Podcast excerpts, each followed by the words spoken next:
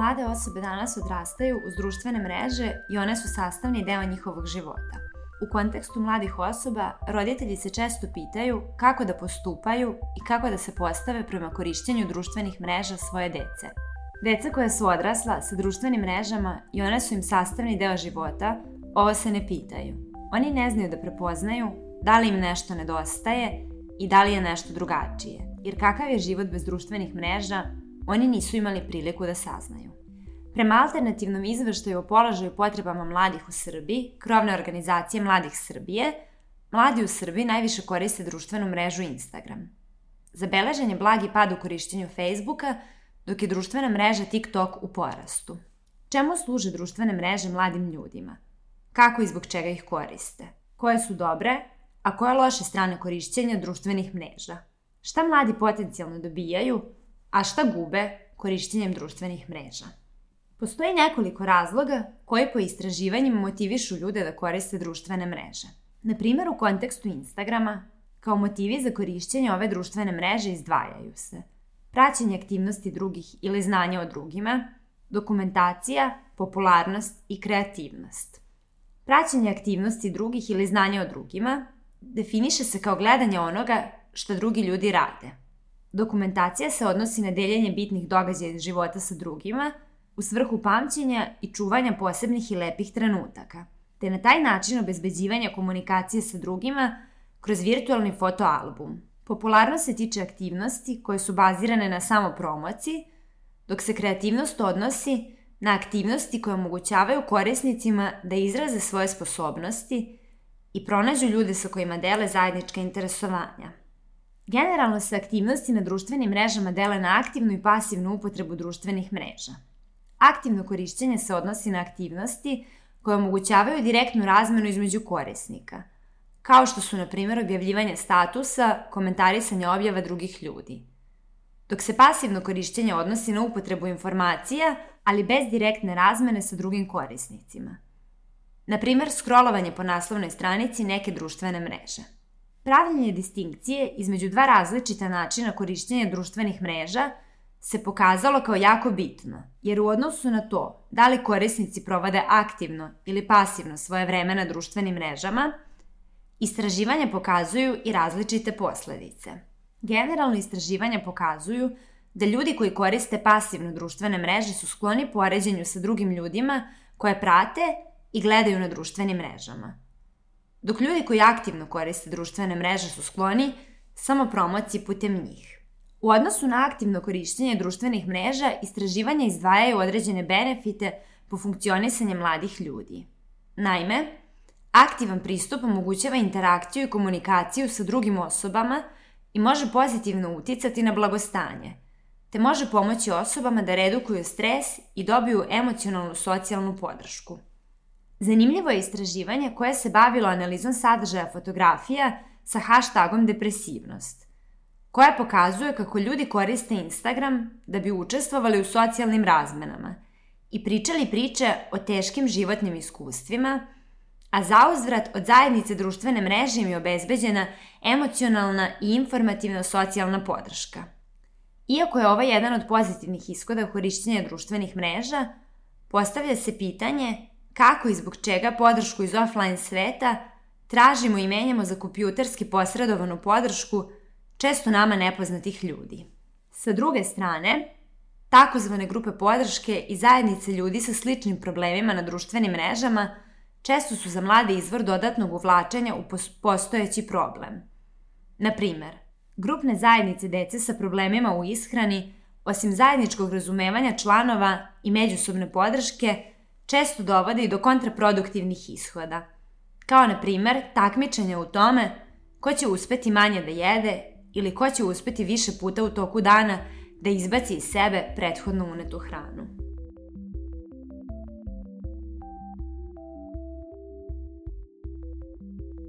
Kako bismo stekli uvid u to kako zapravo mlade osobe danas same i svoje perspektive doživljavaju korišćenje društvenih mreža i šta društvene mreže njima predstavljaju, danas ćemo razgovarati sa Zarijom. Pa, ćao Zarija, hvala ti što si došla i što si sa nama. Za početak bih te pitala, eto kao prosto, koje ti društvene mreže koristiš i koje društvene mreže imaš? U, ja sam koristila skoro sve društvene mreže, pod sve mislim kao i Twitter, i Discord, i Instagram, i Facebook. Znači, otprilike sve to nekako onako što je najpoznatije, najviše se koristi. I vremenom sam shvatila da je to jako, nekako je toksično da kažem. A, društva koje su bila na tim društvenim mrežama u kojima sam ja kao učestvovala, bila sam deo te neke grupe, vremenom je postalo jako toksično i ljudi su postali jako grozni jedan prema drugim, pa je to bilo manipulacija i gluposti kojima ja nisam dala da učestvujem. I neko vreme sam se u potpunosti odvojila od svih društvenih mreža. Ali kako sam krenula sad opet sa školom, nekako vremenom sam opet krenula da koristim, na primjer, Instagram, zato što a, većina mog društva, zato što oni ili nemaju kredit ili ovo ili ona, ne koristim Viber, ne koristim mhm. Whatsapp, mm -hmm. a hoću da se dopisujem sa tom, ajde vrati Instagram, ajde vrati Instagram, kao dobro. Imam puno prijateljica koje jako vole, ja, one su navučene na to koliko lajkova sam dobila, koliko ljudi me prati, da li sam postavila jutro, da li izgledam lepo, vidi moju šminku, vidi moje ovo, ono. I na kraju vremenom sam skontala samo da u svako društvo koje uđeš ima nešto što će da se promeni kod tebe. One nisu bile pre takve. Ušle su u društvo gde su svi nosili skupe stvari, svi su ovo, svi su ono vidi šta ja imam, vidi ono, ne znam ja, vole da se pokazuju tim nekim tako nebitnim stvarima. Ali to je većinom samo u takvim društvima. Inače u mom društvu sada nikog nije većinom briga. Ti možda -hmm. imaš 14 pratilaca i da imaš fora dva lajka na jednoj slici koji si postavio pre 6 godina. Jedino za šta koristiš taj akaunt je da se dopisuješ sa ljudima -hmm. i tih 14 osoba koje te prati su ti u stvari prijatelji, a ne neke random osobe koje su samo mm -hmm. došle i bile kao ajde zapratim ovaj account ili izgleda ta osoba lepo. Uh mhm. -huh. Znači ti si u suštini sad zapravo napravila kao neku podelu, kategorisala ljude u dve grupe mlade, kako koriste i zašto. Ajmo sad pričamo o Instagramu, ali tako? Da. Primer, neki koji to koriste da bi imali što veći broj pratioca je neki način status u nekom već svom društvu, kako oni to zamišljaju da jeste status i da je poželjno. I drugi kojima je to kao neki prosto vid za razmenu informacija i komunikacije sa bliskim ljudima i prijateljima i nebitni su im u suštini neki drugi novi ljudi. Pa Ako sam te ja dobro razumela. Jesi, pa to je uvek tako i na svim ostalim mrežama. Ako gledamo na Twitter koji je mesto puno raznih priča i širenja, da kažemo, gluposti, barem po meni naravno nije, ima tamo zanimljivih stvari. Ali većinom sve društvene mreže imaju te neke, da kažemo, dve ili tri kategorije koje dele ljude koji se nalaze na njoj. Imaš te koji idu okolo i prave lažne akantove da bi otišli i pratili šta ko radi. Imaš one koji u stvari koriste to samo da bi se čuli sa društvom. Imaš one koji hoće da pokažu taj neki svoj status u društvu, taj neki da nameste taj neki imidž svoj, da, da ljudi budu kao, a vidi šta ova osoba ima, tako te neke -hmm. stvari. Ali po meni je A zbog čega to mladi ljudi rade, šta misliš? Što im je bitno da drugi nešto tako primete kod njih? Mislim, tvoje mišljenje samo kao... Moje mišljenje je da ljudi koji imaju potrebu da idu na društvene mreže, koji su jako nesigurni u sebe, žele da se pokažu na društvenim mrežama ili tako tim nekim platformama, oni žele samo da se prikazuju što bolje zato što su svesni da možda nisu u stvarnosti takvi. I svi su imali taj jedan moment u životu da se ne osjećaju samopouzdano to kako izgledaju, kakav im je život i sve to. I onda nekako imaju tu neku potrebu da ako se ja pokažem ovako, na primer, da izgledam ovako lepo danas u ovoj slici, da ako izeditujem to malo izgleda će malo bolje, možda će se svideti više ljudi, možda će više ljudi hteti da priča sa mnom. Uh -huh. To je taj neki, ta neka uh -huh. potreba da te ljudi prihvate.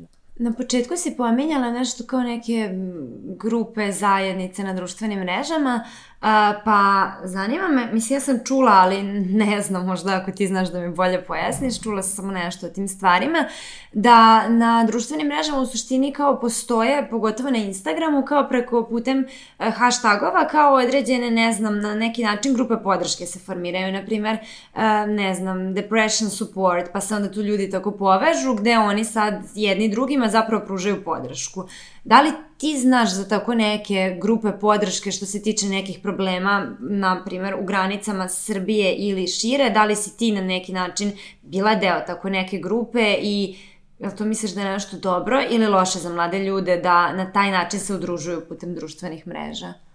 Uh, jesam, učestvovala sam, to je bila sam u različitim grupama, većinom kada imaš taj kao hashtag support mental health i tako te neke stvari i učestvovala sam u tome, naravno kao i na svim ostalim, da kažemo, grupama za podršku, postoji ta loša strana, gde ljudi žele da ti iskoriste, da te ubace u neku toksičnu grupu koja će da te spusti još više Pomenuli smo neke pozitivne i negativne efekte društvenih mreža, koliko sam ja mogla da ispratim tokom našeg razgovora, čini mi se da si nekako više negativna navodila, što je sasvim legitimno, mislim, to je prosto tvoja perspektiva i bitno je da se priča o tome ukoliko su stvari tako izgledaju i mladi ljudi društvene mreže na taj način doživljavaju, a i dalje su nekako deo njih jer su im izloženi, to je svakodnevni deo njihovog života. Mislim da je bitno da se što više priča o tome. Imala bih Za kraj još jedno pitanje e, za tebe na kraju današnjeg razgovora. Kako ti zamišljaš život bez društvenih mreža? Pošto mladima je često teško da nekako zamisle kako je to život bez društvenih mreža jer oni ne znaju. Društvene mreže su od uvek bile sa njima. Pa me interesuje kako ti zamišljaš život bez društvenih mreža i da li uopšte zamišljaš, da li misliš da bi to bilo dobro da nemamo društvene mreže? Pa prvo bih htjela da kažem na ono prošlo, naravno ja sam nabrala loše stvari društvene mreže imaju mnogo dobrih karakteristika, naravno, ali je najbitnije da budeš svestan prvo tih loših, da znaš koji je rizik da odeš u takve stvari. A na ovo pitanje, iskreno bi ti rekla, ja sam napravila pauzu dve godine od društvenih mreža. Skoro dve godine, ajde reći ćemo, nisu bile baš dve, ali napravila sam pauzu ogromnu -hmm. i mogu ti reći da je bilo jako dobro. bilo je jako dobro, ja sam bila deset puta bolja. Šta te motivisalo da se ponovo vratiš na mreže? Šta me ponovo? Pa većinom zato što je moje društvo bilo kao hoćemo da se čujemo sa tom. Znaš da nemam kredita, znaš da nemam uvek interneta za ovo, za ono, ne mogu da te zovem preko Vibera, ne radi mi ovo, ne radi mi ono, aj kao molim te mhm. vrati. Već jedno, nije, nije nešto interesantno, ne, nemam ja šta tu više ni da postavim, nije mi ni, ni zabavno, onako. Hajde jednom onako, kada uzmem da učim, onako slikam se sa šoljem, budem kao vidi šta učim danas, kako je divno, imam šest strana da naučim. Tako te neke gluposti, onako čistom nekom mom bliskom društvu koji prolazi kroz tako te neke stvari. Ali većina je bilo zato što su oni hteli da se mhm. vrate meni. Znači u suštini za druženje sa ljudima sa kojima da. se inače družiš. Pa to je to, nije bilo neke potrebe. Jer na početku budeš zavistan, imaš potrebu da uzmeš telefon, refleksno postane, da uzmeš telefon da otvoriš da pogledaš ne, ne, nije ti potrebno. U momentu kad izbrišeš, odmah ćeš da budeš kao, a zašto mi ako prazan telefon, nemam šta da gledam. I onda odeš i kao, Shvatim. Šta drugo mogu da radim? šta ima još da se radi nego da samo budim u Instagram ili Twitter ili mm -hmm. da se dopisujem s ljudima ili čujem preko Discorda ili Snapchat i Snapchat isto i to je, to je, ne znam, ja ne razumem smisla po tih mreža, ali ono, većinom samo zbog ljudi koji su hteli da se vrati nazad, da možemo da se čujemo češće. Ovako, da. to je to. Važi. Hvala ti, Zarija.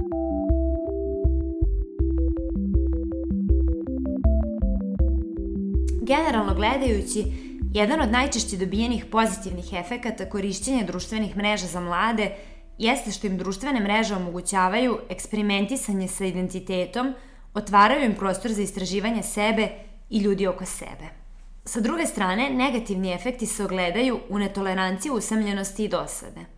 Upečatljivi nalazi istraživanja odnose se na to kako deca danas ne razvijaju empatiju na način na koji bi se očekivalo, te da ne razvijaju način odnošenja prema drugima u kom bi slušali i učili kako da vide i čuju jedni druge. Možemo reći da su posledice koje će društvene mreže ostaviti na generacije koje odrastaju sa njima i na sve druge koje ih koriste biti vidljive tek u budućnosti, bile one pozitivne ili negativne. Društvene mreže su sastavni deo života svih ljudi, direktno ili indirektno. I u ovom trenutku delo je neosnovano zamišljati kako će društvene mreže u nekom trenutku prestati da postoje i kako je to rešenje problema koje one nose sa sobom. Ono što je izvesnije jeste fokusiranje na benefite društvenih mreža i edukovanje mladih ljudi u smeru produktivnog korišćenja društvenih mreža. a paralelno pokušati uticati na negativne efekte korišćenja društvenih mreža i svesti ih na minimum. Poruka za sve je da se iskoriste prednosti razgovora uživo i da se deca od najranijeg uzrasta uče razgovoru uživo. Sposobnost komunikacije uživo je baza za izgradnju i vežbanje socijalnih veština koji vode daljoj socijalizaciji i bliskosti sa drugim ljudima koji nas okružuju.